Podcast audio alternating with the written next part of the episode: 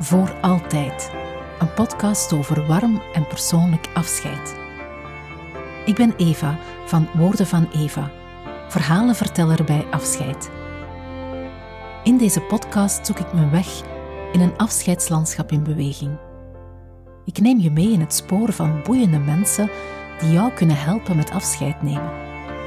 En ik geef je tips over hoe een afscheidsviering warm en persoonlijk kan zijn als een dekentje dat je hart verwarmt. Welkom. Welkom bij aflevering 12 van deze podcast. En het is even geleden dat ik nog een aflevering maakte. Er ging eh, eigenlijk een hele maand voorbij, waarbij ik eh, geen energie had om een podcast op te nemen. Ik weet het niet. ik, ik dacht de hele tijd van, oh, ik moet nog eens een podcastaflevering opnemen. En het kwam er niet van. Nu eerlijk, er was ook wel wat twijfel. Ziet er wel iemand te wachten op een volgende aflevering? Interesseert het überhaupt iemand of ik deze podcast maak of niet? Ja, om een of andere reden was mij een beetje een twijfelmaand. En um, onlangs vergeleek ik eh, het werken in de afscheidssector wel eens met uh, een trip door de wildernis. Je moet weten, de uitvaartsector die bestaat uit een grote groep van begrafenisondernemers met heel veel macht. Want zij zijn de eerste die bij een familie komt bij een overlijden en zij nemen de touwtjes in handen. En zij worden gevolgd. En pas op, ik begrijp dat. Hè. Eh, als er uh, iemand overlijdt, dan komt er heel veel op je af. Uh, er is veel verdriet. En in heel die toestand is het natuurlijk fijn als iemand de touwtjes in handen neemt. Alleen, Misschien trekt die begrafenisondernemer niet aan de touwtjes die jij graag zou willen. Misschien trekt hij aan andere touwtjes. Misschien organiseert hij de dingen op een manier waar jij niet per se voor zou kiezen. En pas op, versta mij niet verkeerd. Dit is geen pleidooi tegen begrafenisondernemers. Um, begrafenisondernemers zijn nodig. En uiteraard heb je in die hele grote groep van begrafenisondernemers mensen die het echt goed menen, die vanuit een soort menslievendheid en warmte voor hun familie zorgen. Maar er zijn er ook andere. Bovenal is het ook een heel commercieel gegeven en dat kan je natuurlijk niet kwalijk nemen, maar het is wel zo. En op die manier ben ik zelf ook gebotst. Ehm, met de begrafeniswereld. In die zin dat de, ik heb een hele tijd vieringen begeleid op vraag van uh, begrafenisondernemers. Maar aan een prijs die echt niet oké was. Maar over die prijs viel niet te, over, niet te onderhandelen. Terwijl families mij zeiden van, oh Eva, je hebt ons zo'n mooie afscheidsviering bezorgd. Natuurlijk zouden we daar meer voor willen betalen. Nu, om u een idee te geven, een bepaalde begrafenisondernemer wou graag met mij samenwerken. Ik, ik was op gesprek ja, om mij eens voor te stellen en te kijken of er een samenwerking mogelijk was. Ze zeiden mij van ja, maar we, denken dat je dat echt heel goed doet. Als, ik, als we je zo horen vertellen, we geloven er absoluut in dat je dat super doet. Dus ja, we willen heel graag samenwerken. Ehm, en de persoon waar we nu mee samenwerken, die betalen we 150 euro om een viering uit te werken. En jawel, je verstaat dat goed. 150 euro om een persoonlijke viering uit te werken. Nu, dat is echt overdreven laag en ik weet dat er, uh, dat er ook wel hogere bedragen uh, rondgaan. Maar elke keer opnieuw loopt het vast, lopen mijn gesprekken met begrafenisondernemers vast op prijs. En hoe jammer is dat? Bovendien gebeurt het allemaal toch ook wel heel traditioneel en klassiek en zoals we het kennen, zoals we het gewoon zijn. En ja, je hebt meestal wel zelf al keuze in muziek bijvoorbeeld. En ja, je mag ook meestal zelf al wel eens iets zeggen als je dat wil. Maar daarmee krijg je niet per se een mooie viering. Daarvoor heb je een ander recept nodig. En dus ja, zoek ik nu mijn weg in de wildernis, los van begrafenisondernemers.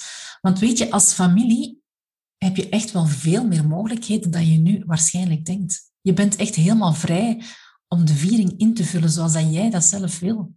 En je kan dus tegen een begrafenisondernemer zeggen, voor de viering werken we samen met een afscheidsspreker. En dat is iets dat weinig mensen weten. Je hebt ook vrije keuze van begrafenisondernemer. Je hebt vrije keuze van met wie je wil samenwerken. Je hebt vrije keuze over hoe je dat afscheid wil invullen. Jij kan kiezen. Wil je graag wat extra tijd? Dat kan. Je kan bijvoorbeeld, en ik zeg nu maar iets, crematie laten doorgaan een aantal dagen na het overlijden. En dan bijvoorbeeld tien dagen later een viering doen, zodat je tijd hebt om daarmee bezig te zijn. Ik zeg maar iets. Je kan een viering laten doorgaan op een mooie, inspirerende locatie. Je kan kiezen om in intiem gezelschap een viering te doen en later op de dag met meer mensen samen te komen voor een wandeling bijvoorbeeld. Dat kan allemaal. En ik moet zeggen, ik ben eigenlijk um, meer en meer fan geworden van intieme vieringen. En het is uiteraard niet oké als je moet kiezen wie er mag komen. Als bijvoorbeeld nichtjes en neefjes er niet bij kunnen zijn omdat je dan boven de 15 zit, zoals bij corona wel het geval was. Dat is niet oké. Maar als je iedereen erbij hebt die echt iets heeft betekend voor die persoon die overleden is, die dichtbij staat, zonder verre kennissen, collega's waar je toch niet echt een nauwe band mee hebt, buren of mensen die zich verplicht voelen zonder die mensen erbij, dan zijn er zoveel meer opties. Dan kan je het zo mooi en ontroerend en intens, verbindend, troostend maken. Dat kan zo mooi zijn. Je kan echt zo'n mooie dingen doen. En afscheid nemen is moeilijk. Waarom het nog moeilijker maken door voor een afscheid te gaan waar je eigenlijk zelf niet veel aan hebt. Kom, kom samen met de dichte kring en zorg voor een echt warm, troostend afscheid. En blijf daarna samen om te eten, te praten, te wenen. En nodig dan bijvoorbeeld in de namiddag iedereen uit die op een of andere manier betrokken is bij de, bij de persoon. En, en doe een wandeling of een receptie. Uh, gewoon samen zijn, het glas heffen, praten, vooral dat, hè, praten, praten over de persoon die gestorven is. Haal herinneringen op. En daar kunnen speechen bij zijn. Maak het mooi, maak het memorabel. Dat kan allemaal. En we zijn dat niet gewoon om dat op die manier te doen.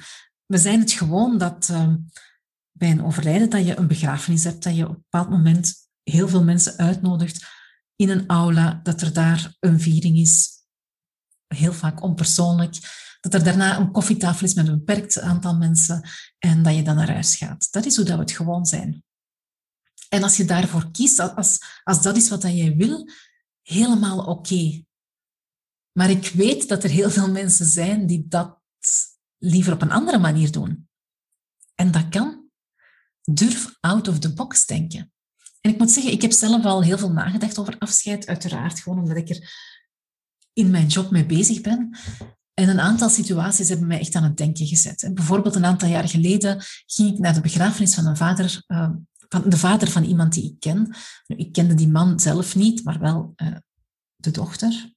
En, en dat heeft mij toen echt heel hard aan het denken gezet, omdat die viering was in een kerk en dat was zo onpersoonlijk. Het enige dat over die man gezegd werd, en die man was in de negentig, het enige dat over die man gezegd werd was, het was een dierenvriend. Ik ben ervan overtuigd dat er veel meer over die man te zeggen viel dan dat. Maar dat gebeurde niet. En onlangs volgde ik een, een viering online. En opnieuw zo onpersoonlijk. En, en iemand die teksten voorlas alsof ze er eigenlijk tegen haar zin stond. Showful, dat was een beetje het woord dat bij mij opkwam. Um, onrespectvol eigenlijk, ongeïnteresseerd. En het was nogthans een heel erg gedreven man waar afscheid van werd genomen, met, met ontelbare verhalen.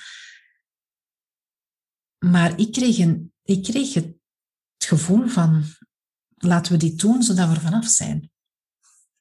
Ik las deze week ook nog een getuigenis van een jonge weduwe die haar kinderen niet mee had genomen naar de begrafenis van haar man. En de kinderen waren op dat moment ook nog echt jong.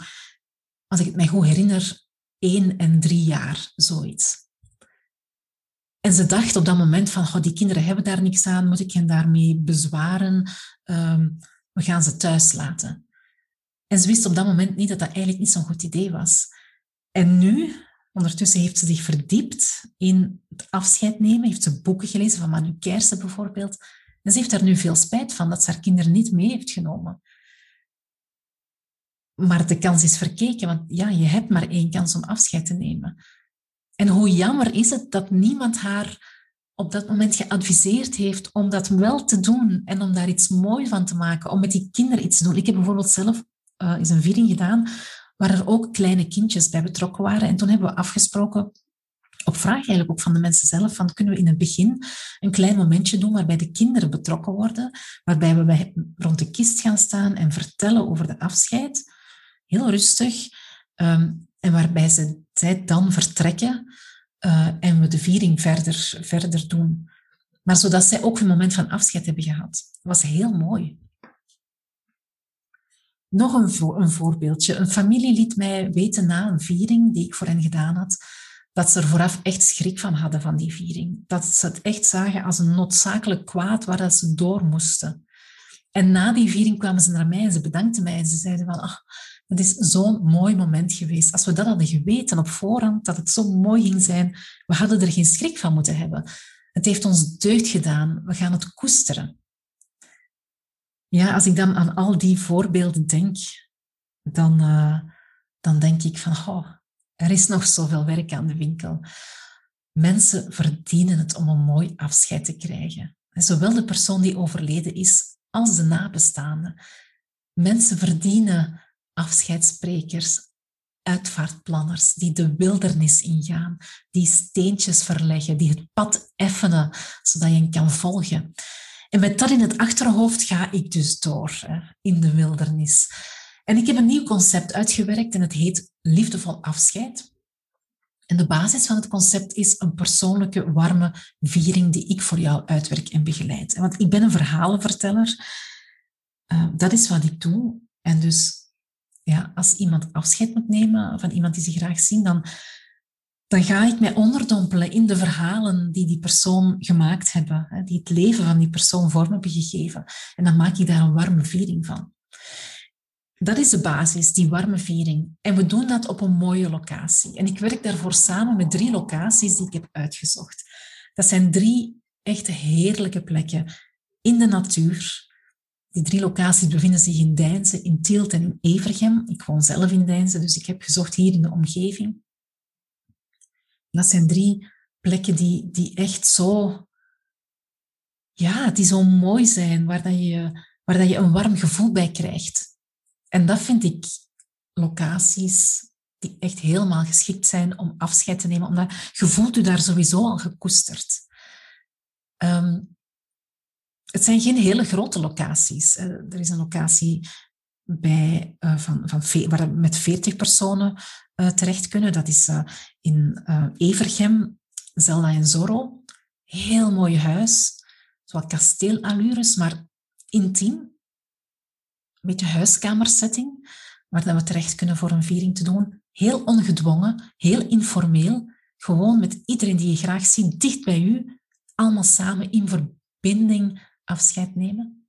We hebben in Deinze um, een vinkhuis, midden in de natuur, ook klein voor een vijftigtal mensen, met grote ramen, zicht op de velden. Hoe heerlijk is het als je daar afscheid kan nemen. En dan heb ik nog een, een, een locatie, de Steenovenhoven in Tielt. Dat is voor 120 personen, ook in de natuur. Heel authentieke uh, oude schuur. Heel mooie plek. Maar ik kom ook graag naar een locatie van jouw keuze, want ik wil je natuurlijk ook niet gaan dwingen om een van die locaties te kiezen. Uh, kies vooral zelf een locatie waar dat jij uh, dat afscheid graag wil laten doorgaan. Ik kom heel graag naar de locatie van jouw keuze. Denk aan je eigen tuin, binnen bij jou thuis, um, een, een, feestzaal, een park, een, um, op een boot, op een rivier, weet ik veel, zolang het maar geen donkere aula is. Want daar, daar ga ik niet graag naartoe om afscheidsvieringen te doen. Een warme viering, een locatie, een mooie locatie van jouw keuze of een van die drie locaties waar ik mee samenwerk. En dan ga je die viering nog wat gaan pimpen, zoals ik dat dan noem, met bijvoorbeeld live muziek, met een afscheidsfotograaf, met een persoonlijk boeket. Er is zoveel mogelijk. Dus ja, ik zie het als mijn plicht uh, om mijn tocht in die wildernis verder te zetten. En in juni mag je nog elke week een podcastaflevering verwachten. Er staan al een paar boeiende gesprekken op de agenda waar ik echt naar uitkijk. Um, en ik wil ook een beetje een oproep doen, want geloof jij in mijn boodschap en wil jij mijn tocht in de wildernis steunen? Uh, hecht jij zelf ook belang aan mooi afscheid nemen? Is dat iets dat jij ook graag ziet veranderen in onze maatschappij? Uh, is dat iets dat, waar dat jij ook uh, naar kijkt als je denkt aan afscheid nemen van iemand die je graag ziet? Wel, doe mij dan een plezier en spread the word. Help mij om de boodschap te verspreiden. Uh, help mij om de boodschap te verspreiden dat er zoveel meer mogelijk is dan, dan, wat we nu voor, dan ja, waar we nu aan denken. Er kan echt veel meer en het kan echt mooi en warm. Uh, dus help mij om die boodschap te verspreiden. En hoe doe je dat? Door te luisteren naar deze podcast, bijvoorbeeld. Door een review te schrijven op iTunes voor de podcast. Dat zou mij heel veel plezier doen. Uh, want op die manier uh, kan ik nog veel meer mensen bereiken met de podcast. Door de podcast te delen met andere mensen, door mij te volgen op Facebook of Instagram, door zelf na te denken en stil te staan bij afscheid nemen. En ik eindig deze um, aflevering graag met een interessante quote van Sophie Jans. Ze is een, uh, een jonge weduwe en ik las een artikel in de Standaard waarin zij zegt als je voor jezelf uitvist hoe je herinnerd wil worden, dan kan je er naar leven. En zij haalt die quote uit een boek, De Zeven Eigenschappen voor Succes in je Leven, van Stephen Covey. Ik hoop dat ik het juist uitspreek. Uh, ik heb het boek zelf nog niet gelezen, maar het staat nu wel bovenaan mijn to-read-lijstje. Want Stephen Covey die zegt, begin met het einde in gedachten. En het einde, ja, dat is je begrafenis. Hoe wil jij herinnerd worden? Daar zit de kern. Als je dat voor jezelf uitvist, dan kan je er naar leven. En dat vind ik echt zo'n ongelooflijk krachtige boodschap. Eentje waar ik zelf nog eens echt de tijd voor moet nemen om, om eens heel goed over na te denken. Hoe wil ik herinnerd worden? Want als ik dat uitvis, dan kan ik daar naar gaan leven. Dus mijn slotvraag vandaag aan jou, mijn vraag aan jou is, hoe wil jij herinnerd worden op jouw begrafenis? En als je daar dan toch over aan het nadenken bent, denk dan ook ineens nog een beetje verder en denk eens na hoe dat die begrafenis er dan moet uitzien. Klassiek en traditioneel, waar, by the way, helemaal niks mis mee is, als dat is wat je wil. Of wil je toch persoonlijker, op een mooie locatie, in verbinding? Aan jou de keuze. Graag tot volgende week.